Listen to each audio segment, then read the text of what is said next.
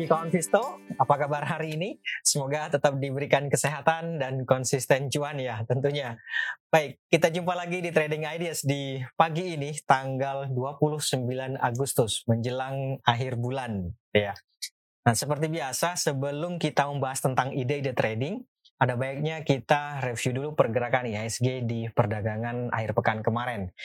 Ya, di perdagangan akhir pekan kemarin, indeksnya ditutup melemah berada di level 7135 atau melemah sebanyak 38 poin. Kalau secara persentase, pelemahannya sebanyak 0,54 persen. Ya, lumayan lah gitu ya. Lumayan dalam maksudnya. Nah, melihat dari pergerakannya memang sempat dibuka menguat di awal-awal perdagangan, hanya saja kemudian itu tidak bertahan lama, muncul tekanan jual yang memaksa indeks bergerak di teritori negatif. Meskipun sempat juga kembali di uh, teritori positif ya, tetapi yang jelas sampai dengan akhir sesi pertama indeksnya itu ditutup melemah yaitu berada di teritori uh, negatif. Jadi secara keseluruhan di seri di sesi pertama ini sebenarnya indeksnya bisa dibilang ya fluktuatif gitu ya. Uh, sideways bergeraknya sideways. Tapi karena bisa dibilang juga tekanan jualnya lebih mendominasi ya bisa dibilang cenderung melemah gitu. Nah, Berbeda dengan sesi pertama, di sesi kedua sempat mengalami sideways di daerah atau di teritori negatif, hanya saja kemudian tekanan jual tampaknya lebih mendominasi sehingga pada akhirnya ditutup melemah 0,5 eh, persen ini. Secara keseluruhan di sesi kedua indeksnya bergerak cenderung melemah. Jadi kalau diambil kesimpulan sejak seri sejak sesi pertama sampai dengan sesi kedua di pertengahan sesi pertama itu indeksnya sudah mengalami tekanan jual yang berlanjut sampai dengan ditutupnya uh, bursa. Itu ya. Jadi pada prinsipnya secara keseluruhan menjadi kecenderungan melemah. Itu uh, indeksnya kemarin. Bagaimana hari ini nanti coba kita lihat bareng-bareng. Nah, dari pelemahan indeks itu, saham-saham apa saja sih yang pada akhirnya membawa indeks bergerak melemah? Yang pertama yaitu ada Goto, kemudian ada Telkom, lalu ada Bank BCA, kemudian ada Astra Internasional, kemudian terakhir ada Bank Mandiri. Itu dia lima besar saham yang membawa indeks melemah, semuanya saham-saham blue chip. Nah, Sementara lima besar saham yang mencoba untuk menghambat laju pelemahan indeks, itu yang pertama ada Pegas, kemudian ada Indah Kiat atau INKP, lalu ada ESA, kemudian ada AMRT, dan terakhir ada Medco. Itu dia lima besar saham yang mencoba untuk menghambat laju pelemahan indeks. Bagaimana dengan transaksi asing?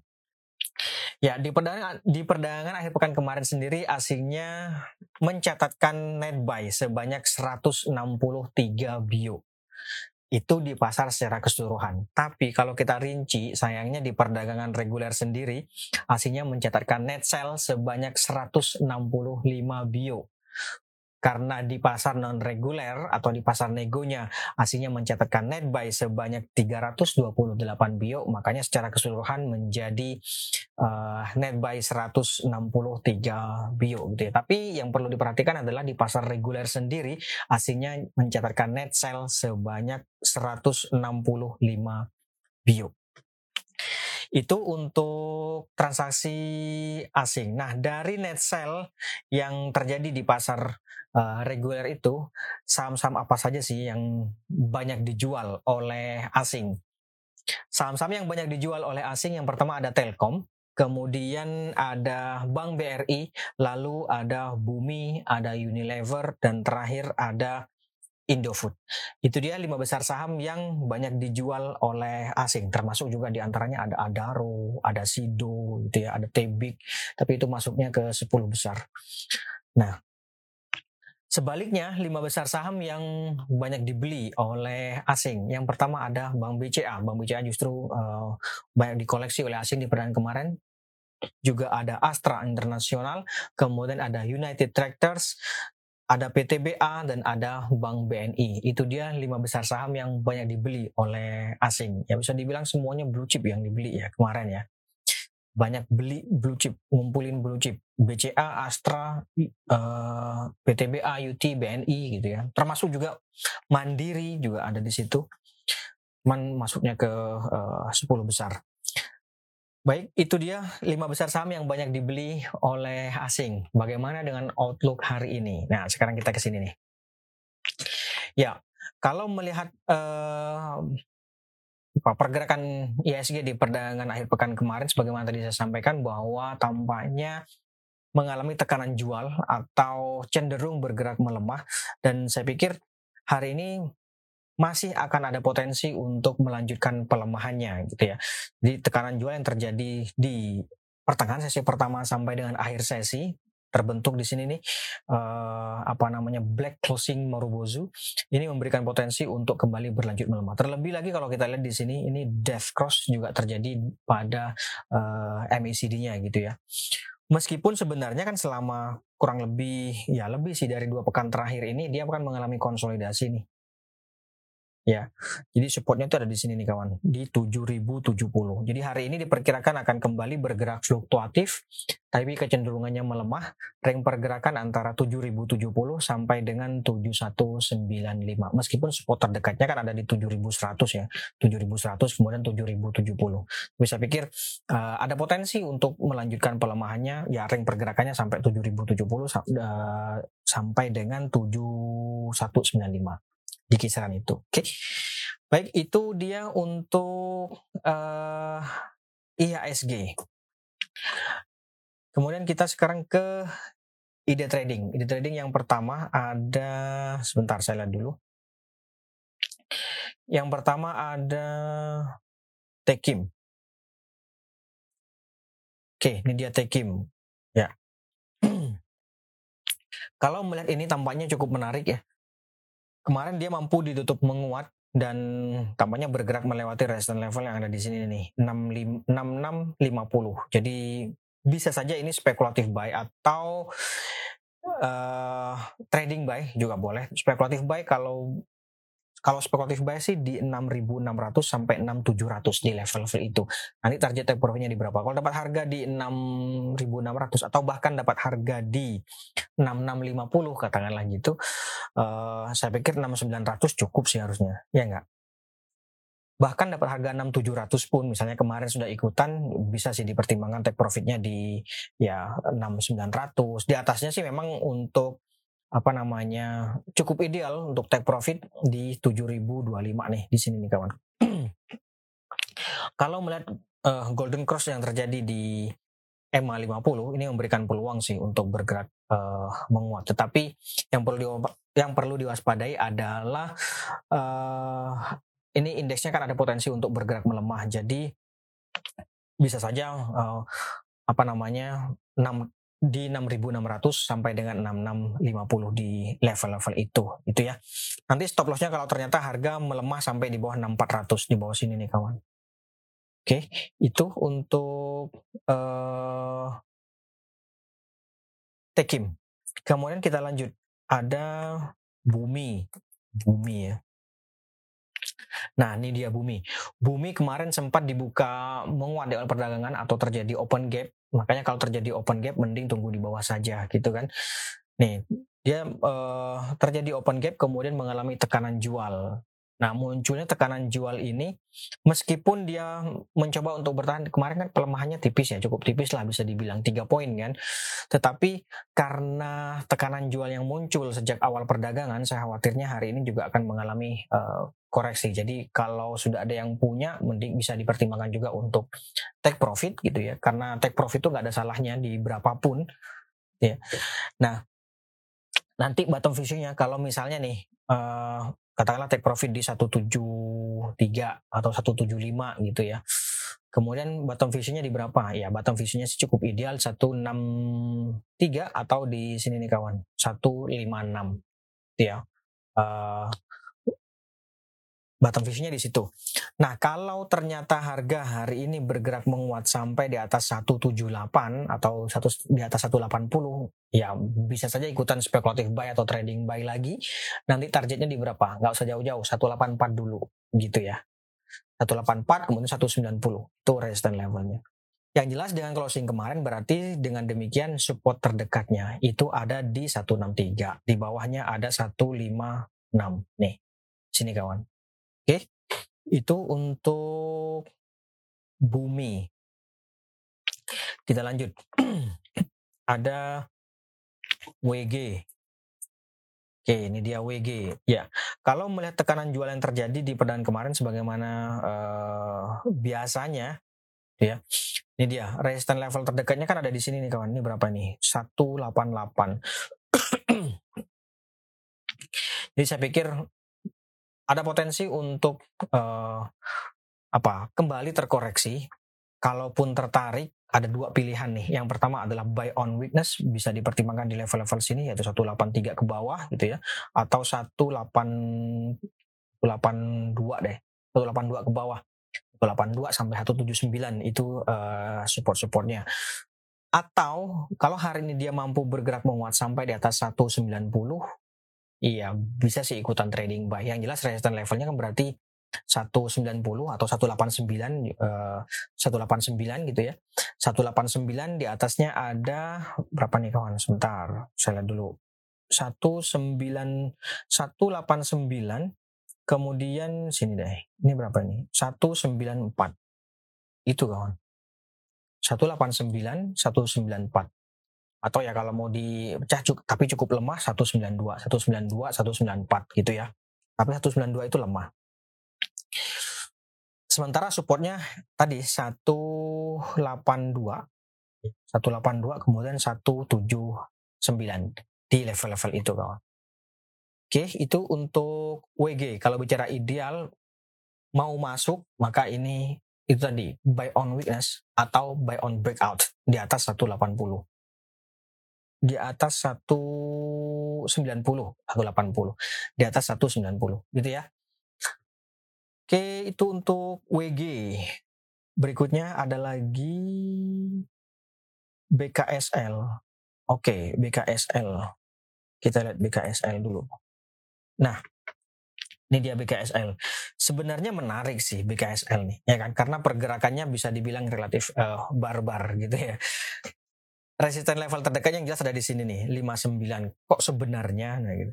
Karena dia mengalami ini nih, long white candle sebagaimana sebelumnya nih kalau terjadi long white candle dia uh, terkoreksi gitu ya apalagi dia kemarin mencoba untuk bergerak di atas 59 ini hanya saja belum mampu melewatinya jadi saya pikir coba kita lihat hari ini kalau dia dibukanya uh, misalnya di atas 59 mending tunggu di bawah deh tapi kalau dia dibukanya misalnya melemah, katakanlah di berapa ini? Ini supportnya di 54 misalnya dibuka 54 katakanlah itu atau 55 kemudian dia bergerak menguat sampai di atas 57 bisa saja untuk uh, trading buy nanti target take profitnya 59 gitu ya. Itu untuk uh, eh, BKSL bagi yang kawan Visto yang masih baru saya tidak menyarankan untuk ikutan saham-saham seperti ini masih banyak saham-saham yang lain gitu ya oke karena ini nggak bisa ditinggal Oke, itu untuk BKSL. Kemudian berikutnya ada lagi BMTR, Global Mediacom. Nah, Bimantara atau Global Mediacom ini sampai dengan saat ini dia masih mengalami mengalami konsolidasi atau melanjutkan konsolidasi, masih mencoba juga untuk bertahan di atas 354 atau 356. Saya pikir bisa saja uh, buy on weakness di level-level itu yaitu di 354 sampai dengan 360. Ya, 354 358 nah buy on weakness di level-level itu saya pikir boleh. Atau kalau hari ini dia bergerak menguat sampai di atas 370 nggak ada salahnya juga untuk ikutan trading buy. Nanti target take profitnya di berapa? Kalau dapat harga 7 370 376 cukup nggak? Kalau nggak di atasnya nih ini di berapa nih? 384 ya 384 saya pikir cukup ideal untuk take profit. Katakanlah dapat harga di 372 misalnya ya kemudian kita jualnya di 384 berarti kan uh, kita untungnya sebentar. 3,2 persen bersihnya 2,8 persen. Itu cukup sih. Harusnya cukup gitu ya. Oke yang jelas untung lah. Kemudian oke itu untuk uh, BMTR kita lanjut. Ada lagi IATA. Oke, IATA. IATA. oh iya perlu saya sampaikan bahwa sampai dengan saat ini kompetisi uh, investasi kuris masih berlangsung ya. Sampai di mana uh, kawan Visto semua? Apakah sudah ada di leaderboard atau masih tenggelam-tenggelam di bawah, masih berenang di bawah gitu? Baik, IATA. IATA kalau kita lihat di sini, kemarin sih sempat bergerak menguat, hanya saja kemudian mengalami tekanan jual dan ditutup bertahan di 150. Munculnya ini kan bisa dibilang uh, Gravestone Doji. Ada potensi untuk mengalami koreksi jangka pendek. Jadi kalau bicara ideal, bagi yang belum punya, ini idealnya buy on weakness. Bisa dipertimbangkan di 144 di level-level itulah. Atau bahkan di bawahnya, 141 sampai 144. Itu cukup ideal untuk buy on weakness. Itu ya. Bagi yang sudah punya, saya pikir nggak ada salahnya juga dipertimbangkan untuk take profit resisten level terdekatnya ada di 153 nih di sini nih kawan 153 di atasnya 157 gitu ya jadi kalau misalnya nih uh, kemarin ikutan katakanlah ikutan di berapa? 150 oke 150 pasang jual dulu deh 154 gitu misalnya. Laku 154 bottom fishing lagi di bawah gitu ya. Boleh di kalau bottom fishing bisa saja 148 gitu. Nggak harus nunggu di 144 sih kalau bottom fishing. Tapi kalau mau baru mau buy on weakness saran saya sih mending 144 ke bawah. Itu ya untuk uh, IATA nanti buybacknya kalau harga ternyata menguat lagi sampai 157 misalnya nih laku di 154 tadi ya. Kemudian ternyata kuat nih sampai di atas 157 apa-apa ikutan lagi. Nanti target take profitnya di atas 161 sampai dengan 163 ya. 161 164 nah itu uh, apa namanya berikutnya gitu. Oke itu untuk IATA sekarang kita lanjut lagi tadi Bimantara sudah uh, Global Mediacom sudah BMTR kemudian Arto sekarang ya oke Arto nah ini dia Arto Arto sebenarnya dia mengalami konsolidasi tapi kecenderungannya melemah. Itu ya. Ini dia nih. Konsolidasi dan kecenderungan melemah. Nah, menghadapi seperti ini tentu menurut saya adalah uh, mending beli ketika pas muncul dorongan beli. Jadi buy on breakout lah intinya gitu ya. Buy on breakout di atas 8925 nih, di atas ini nih kawan. Di atas ini nih ya di atas 8925 boleh dipertimbangkan uh, buy on breakout. Kemudian misalnya ada masalahnya saya lebih suka buy low sell high daripada buy high sell higher gitu misalnya.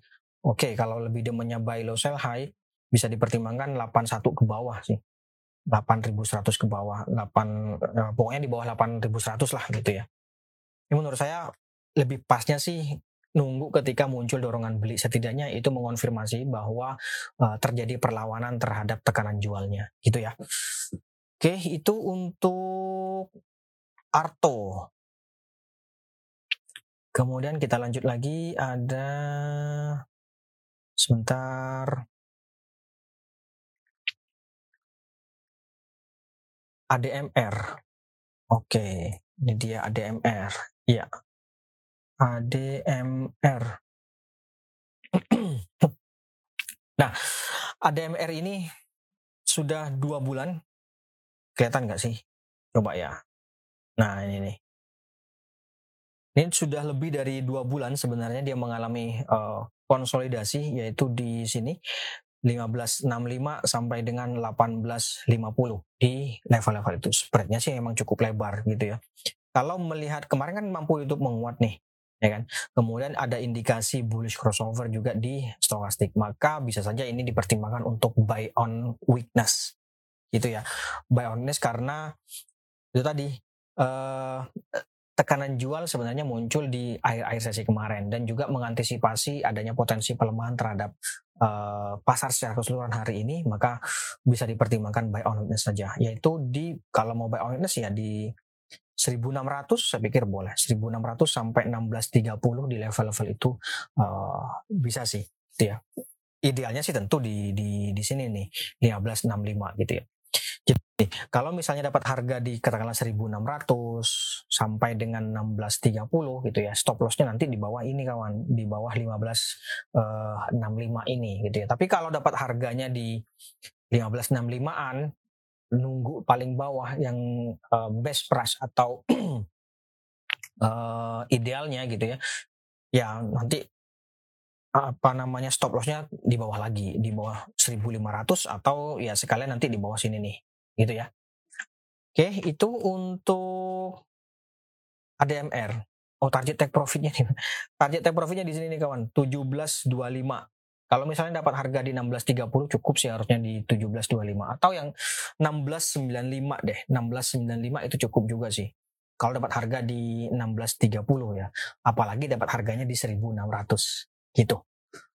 Oke, itu untuk uh, eh, ADMR. Kemudian berikutnya ada lagi Gosco.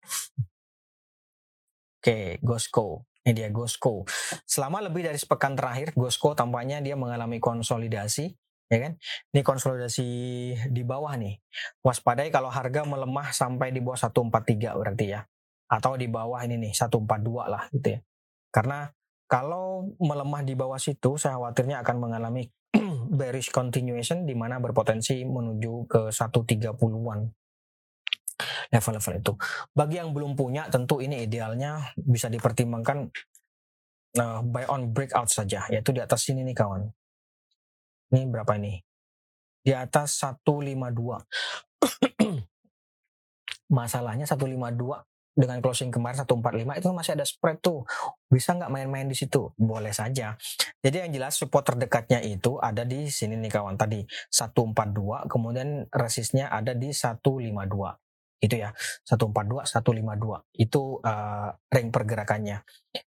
Nah atau kalau misalnya hari ini dia bergerak menguat di atas 148, ya bisa saja ikutan spekulatif buy. Tapi ingat, 152 itu resisten levelnya. Jadi misalnya uh, hari ini bergerak menguat sampai atas 148.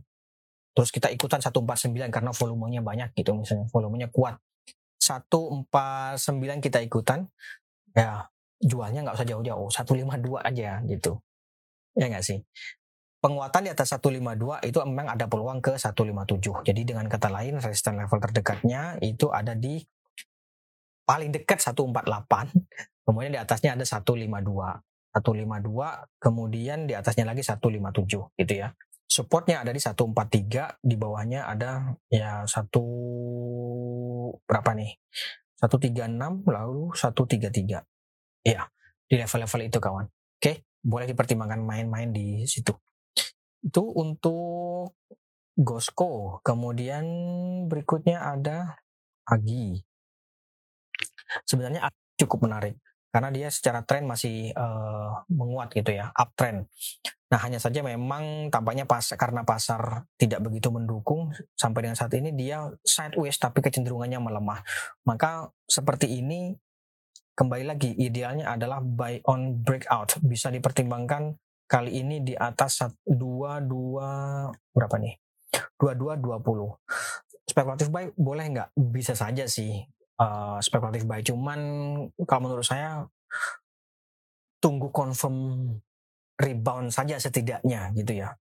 Atau setidaknya muncul uh, dorongan beli yang mencoba untuk menghambat laju pelemahan. Itu aja sih. Itu ya. Di atas dua dua dua puluh dua dua dua puluh nah itu cukup cukup uh, menarik kawan. Nanti targetnya kalau dapat harga di katakanlah 2230, 2240 gitu ya. Uh, target take profitnya 2300 boleh dipertimbangkan di level-level itu. Atau 2300 2340 ya di level-level itulah. Gitu ya. Oke itu untuk Agi. Kemudian kita lanjut. Ada lagi MDKA Ya, MDKA. MDKA ini juga termasuk salah satu yang uh, apa namanya banyak dibeli oleh asing di pekan kemarin ya. Kalau pergerakan harga selama sepekan terakhir ini kan masih mengalami konsolidasi dan mencoba untuk bertahan di atas ini nih kawan 4130. Jadi sebenarnya bisa saja buy on weakness. Nih, kalau melihat apa namanya uh, bullish crossover ini kan bullish crossover nih di stokastiknya cukup menarik sih. Jadi menurut saya ini bisa jadi dipertimbangkan untuk buy on weakness. Buy on weakness bisa di 4100 sampai dengan 4130 di level-level itu. Kalau dapat harga di 4100 atau bahkan dapat harga di 4130 uh, bisa juga dipertimbangkan take profit di 4250. 4250 sampai 4250, 4290. Kemudian di atasnya ada 4340 di level-level itu kawan.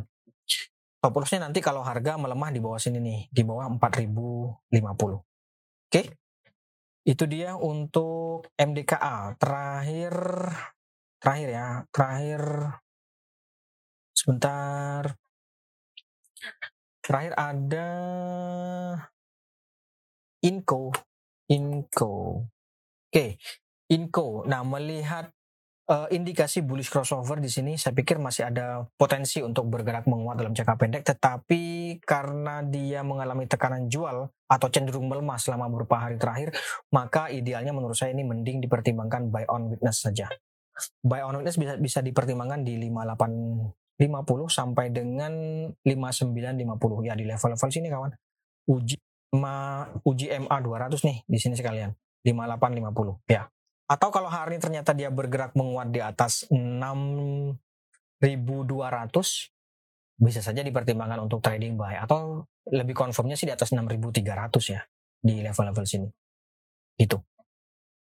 Tapi kalau dapat harga misalnya uh, hari ini atau besok misalnya dapat harga di 58 50 di dapat harga di level-level sini atau 5950 saya pikir nggak ada salahnya pertimbangan take profit di 6300 ya 6300 di atasnya ada 6400 baik saya pikir itu dulu Kanvisto untuk hari ini. Terima kasih atas kehadiran dan partisipasinya. Kita jumpa lagi besok. Tetap jaga kesehatan. Mohon maaf jika ada salah kata. Sekali lagi terima kasih. Selamat pagi. Salam investasiku for That's not simple, or better tomorrow.